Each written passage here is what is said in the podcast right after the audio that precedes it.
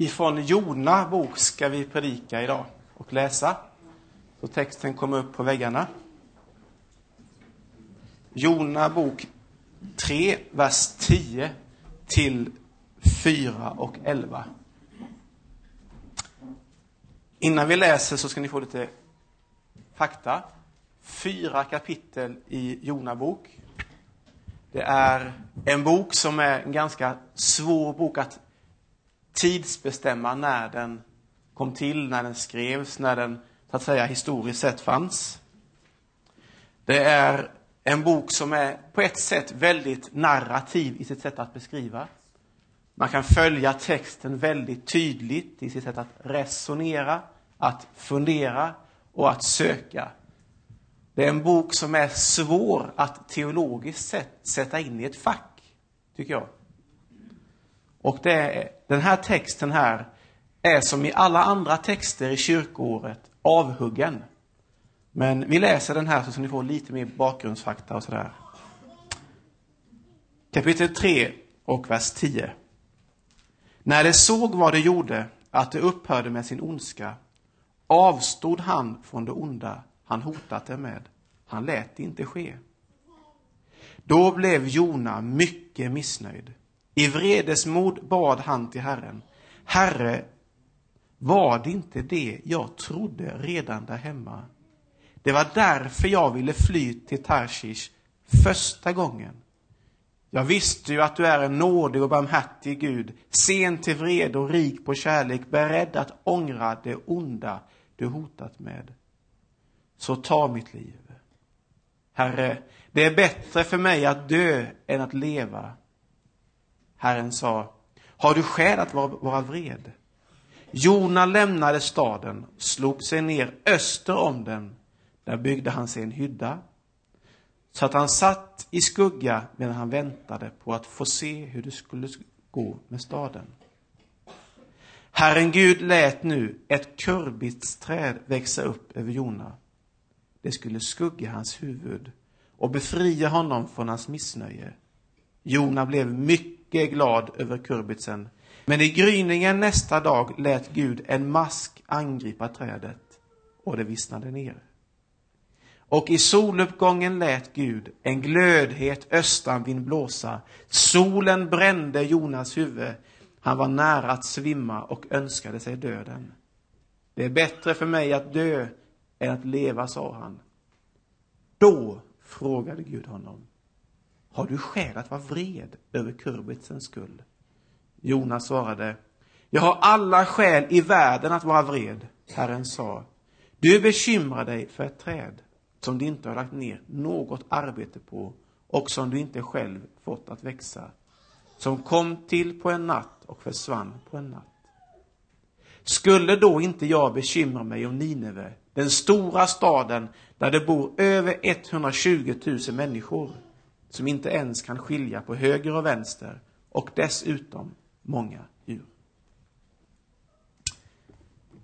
Vi ber en bön.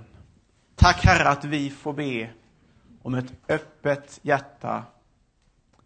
Herre, du ser var och en av oss. En del av oss sitter här och vet vem Jona är och Nineve är. En del av oss vet inte detta.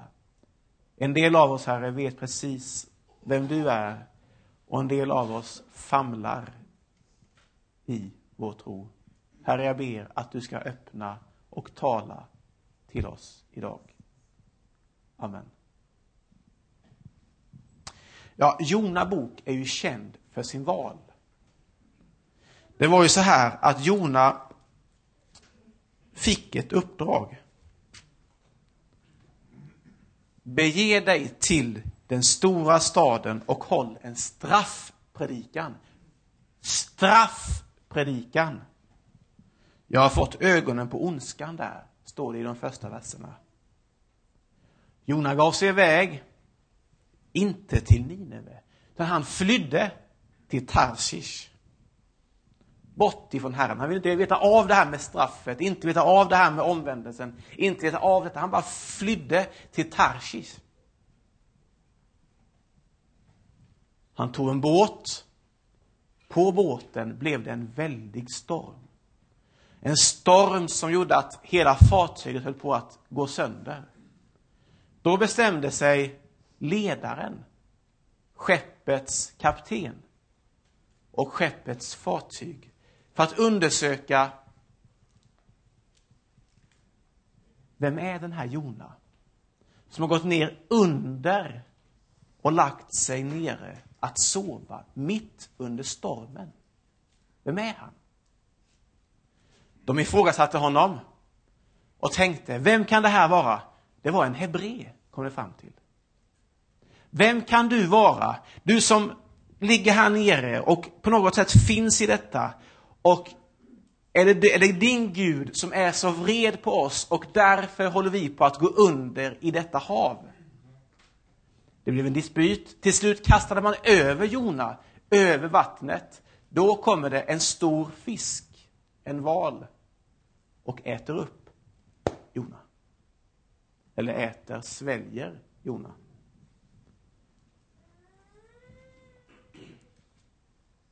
Då börjar Jona att be. Jonas bön.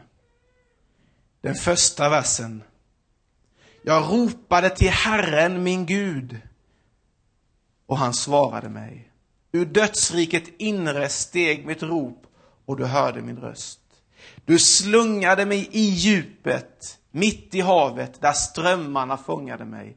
Alla dina brottssjöar slog samman över mitt huvud. Vattnet slöt sig om min strupe. Djupet fångade mig. Sjögräs snärjde kring mitt huvud där nere vid bergens rötter. Mitt inne i fisken ber han denna bön. Och i vers 11. På Herrens befallning spydde fisken upp Jona på land. Visst är det dramatiskt? Alltså en profet som får ett uppdrag att åka till den stora staden och predika en straffpredikan och predika en predikan som ska göra att de omvänder sig. I det här uppdraget så flyr Jona från Herren, ger sig ut på sjön. Det blir kaos. Han kastas över havet, över bord och en fisk äter upp honom. Inne i fisken inser han sin katastrof. Han börjar be. Och på Herrens befallning spydde fisken upp Jona på land. Nu är vi inne i vårt kapitel, kapitel 3. Det här tycker jag är mycket intressant faktiskt. För andra gången kom Herrens ord till Jona. Bege dig nu till Nineve. Alltså återigen kommer kallelsen till Jona. Gud släpper alltså inte kallelsen ifrån Jona trots att han har avvikit ifrån Guds kallelse. Nej, Herrens kallelse finns kvar. Bege dig nu till Nineve, den stora staden, och förkunna vad jag befaller. De första kapitlen har alltså varit alltså en kapitulation ifrån Jona. Han har försökt fly ifrån Gud. Och så blir det någon snärj på i hela, hela textens dramaturgi. Gud ser till så att han blir befriad ifrån fisken. Han spys upp på land. Och då kommer kallelsen igen. Och han beger sig till Nineve. Han tar tag i kallelsen igen, beger sig till Nineve och förkunnar om 40 dagar ska Nineve förstöras. Nu tror folket på vad Jona har sagt och tror att det Jona säger, det kommer ifrån Gud. De utlöste fasta, stora som små. De klädde sig i ett speciellt tyg. Och när kungen fick höra detta steg han upp från sin tron, tog av sig manteln och man förändrade sig, hela folket. Nu kommer vi till vår vers. Kan vi få texten igen? Vers 10.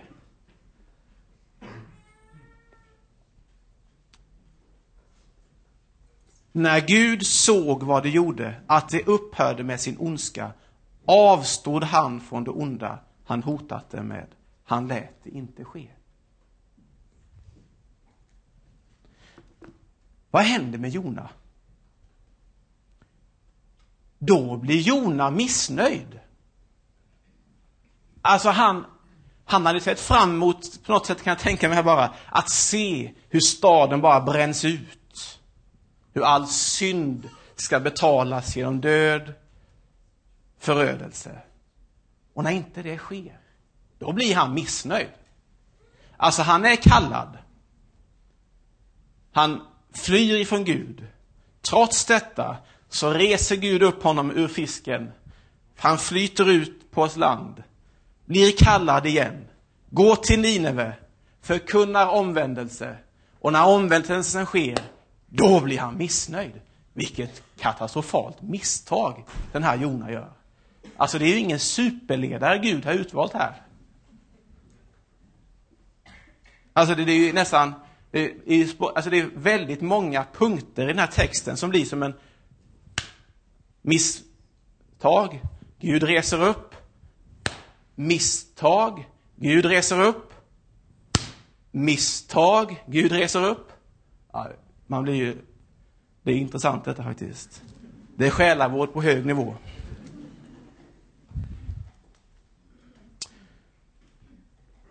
När han då blir missnöjd så ger han sig ut för att få se på något sätt på staden. Och så säger han, jag visste ju att du är nådig och barmhärtig Gud, sen till vrede, rik på kärlek, beredd att ångra det onda du hotat med. Så ta nu mitt liv, Herre. Det är bättre för mig att dö än att leva. Herren sade, har du skäl att vara vred? Jona lämnar nu staden, slog sig ner öster om den. Han byggde sig en stor hydda, så han satt i skuggan och väntade på att få se hur det skulle gå med staden.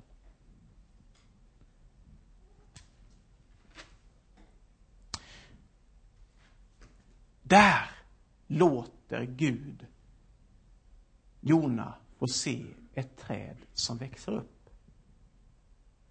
Vid hans hydda, lite sådär på avstånd ifrån staden, så ger Gud honom en hälsning, ett träd. Ett träd som växer upp för Jona. Han ska se en kurbits. Han blir glad. Men han sköt inte, inte trädet. Och Gud utmanar nu Jona. Han sänder en mask till trädet. Och trädet vissnar ner. Nu kommer vinden. Nu kommer solen. Solen skiner på Jona. Hans huvud blir stekt nästan. Han håller på att svimma. Nu är han uträknad, Jona.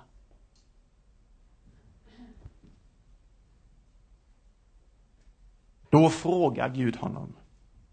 Har du skäl att vara vred på mig för kurbitens skull? Ja, svarar Jona, jag har alla skäl i världen att vara vred på dig. Herren sade, du bekymrar dig för ett träd som du inte har lagt ner något arbete på och som du inte själv fått att växa. Skulle jag då inte bekymra mig om Nineve den stora staden där det bor 120 000 människor. Gud utmanar Jona. Har du skäl att vara vred? Om vi nu ser på vår text så är det typ 11 verser, 12 verser i det sista kapitlet, i stort sett det hela sista kapitlet i hela boken Jona, dessa fyra kapitel. Det är en text som, som är i sitt sammanhang uttryckt omöjlig att förstå, måste ses i sitt stora sammanhang, hur Jonabok är, med fisken, med valen, med uppspottandet på landet och så vidare. Det är det som, där ska man se den här texten. Gud kallar Nin, Jona till Nineve. Han går till Nineve, förkunnar omvändelse, förkunnar omvändelsen och omvändelsen, omvändelsen sker. När Jona får se detta så kommer han in i sitt själviska liv, blir arg, han hade velat få se den här förbittringen, förödelsen och blir på något sätt, till slut i alla fall, blir han utmanad. Har du skäl att vara vred människa? Om vi drar det här i parallell till oss idag, så är det lite med vårt... Ska det vara så? Ja. Det är som i vårt liv. Kapitulation. Upprättelse. Kapitulation. Upprättelse. Förlåtelse. Gud skapar dig och mig. Han låter dig och mig bli till. Det är han som är den som ser till så att vi blir skapade. Det kommer snart en ny mick.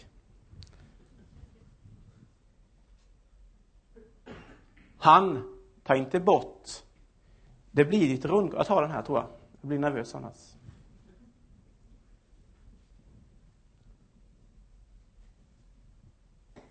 Han låter oss komma i skapelsen till Gud. Han skapar oss. I syndafallet blir Gud och människan separerad. I syndafallet blir Gud och människan distanserade. Jesus kommer, försonar Gud och människan. Gud, blir upprätt, upp, Gud upprättar människan genom försoningen. Människan blir förlåten och ett nytt steg tas. Där är du och jag idag. Människan var en fallen varelse. Människan var en fallen individ. Som Gud har skapat, men som i ett medvetet val valde att gå bort ifrån Gud och vara distanserad från Gud. I det valet så behövs det en försoning. Där kommer Jesus in. Han försonar, han upprättar. Samma sak i den här texten. Det är som att dramaturgin i hela Bibeln återfinns här vid. Gud kallar, vi kapitulerar. Gud upprättar, alltså spottar upp Jona ur fisken. Vi kapitulerar återigen. Han upprättar igen. Du och jag, vi får både kapitulera och vi får bli upprättade. Vi får inse att vi klarar inte av att leva ett liv utan Gud. Men vi får också inse att vi är människor som på något sätt misslyckas varje dag. Gud tog inte bort sin kallelse för Jona. Han tog inte bort sitt uppdrag för Jona, trots att han medvetet brytit mot Gud och vad han hade kallat honom till.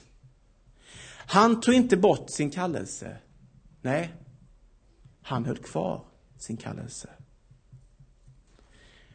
Om vi kollar på liknelser till Nya Testamentet så kan man se på hur är det med den förlorade sonen. Sonen kommer hem. Vad händer då? Jo, den sonen som är hemma, han blir förargad. Här har jag varit hemma hela tiden. Och här kommer min, min bror hem, som har levt i sus och dus, i synd och skam. Och då, när han kommer hem, då ställer du till med den största festen av dem alla. Samma själviskhet som Jona. När Jona såg att inte Gud brände upp staden, då blev han arg. När den förlorade sonens bror ser att hans far ta emot, då blir han arg. Samma själviskhet. Det som ingenting var, det använde Gud. En profet som fullständigt misslyckades som gav sig bort på, alltså på väg bort ifrån Gud, det använde Gud. En son som hade levt i sus och dus blev mottagen av kärlek. Men där brodern inte ville ha honom. Samma Gud tar emot dig och mig. Samma Gud ser på dig och mig och säger, jag vet vad du är. Samma Gud säger, jag har sett dig. Jag har skapat dig. Samma Gud säger till dig, i skapelsen så blev du till precis sån som du är. Jag har sett dig. Jag har sett när du har fallit. Jag har sett när du har gått iväg. Jag tar inte bort min kallelse över dig. Fyra små punkter till dig. Ungefär som en själavårdspunkt. Det första, du är skapad. Du är sedd. Du är bekräftad. När du nu vet detta, vem litar du på? Vem förtröstar du på? Vem räknar du med? Du är skapad. Litar du på det? Och den tredje punkten. Hur har vi det med vårt mörka i vårt liv? Ja, det som Jona gjorde när han sa Varför förstörde du inte denna stad? Alltså själviskheten. Det som vi inte har lämnat till Gud. Bitterheten. Det oförlåtna. Bubblar det upp ibland? Syns det ibland i hur vi är mot andra? I vårt äktenskap, våra vänner, Vår avund över hur andra människor har det. Vår missundsamhet över hur andra människor har det. Där kommer utmaningen. För vi alla människor brottas med avund, missundsamhet, avundsjuka, skitsnack. Det brottas vi alla människor med. Då behöver du inse att precis där, där reser Gud upp dig. Han reste upp Jona. Han reste upp den förlorade sonen och hans bror. Och han reser upp dig. Och han, det enda han ber om, det är att du ska försöka tänka att du inte ska göra om det. Om du nu i nattvarden går fram och säger, Herre, just detta lämnar jag till dig. Just detta skitsnack, just denna avund, just denna synd, Just detta med mitt skattefiffel, eller just detta med detta. Just detta med min, mina känslor för någon annan, trots att jag är kanske gift. Just detta med att vi inte jobbar i vårt äktenskap. Just detta lämnar jag till dig, Gud. Det enda Gud begär av dig då, det är att han ska försöka bättra dig. Han reste upp Jona. Han kommer resa upp dig också. Gud skapade Jona, Gud kallade Jona. Han skapade dig och han kallar dig till att gå och ta emot livet, förlåtelsen och evigheten. Är du redo för att ta emot detta och att göra bättring? Amen.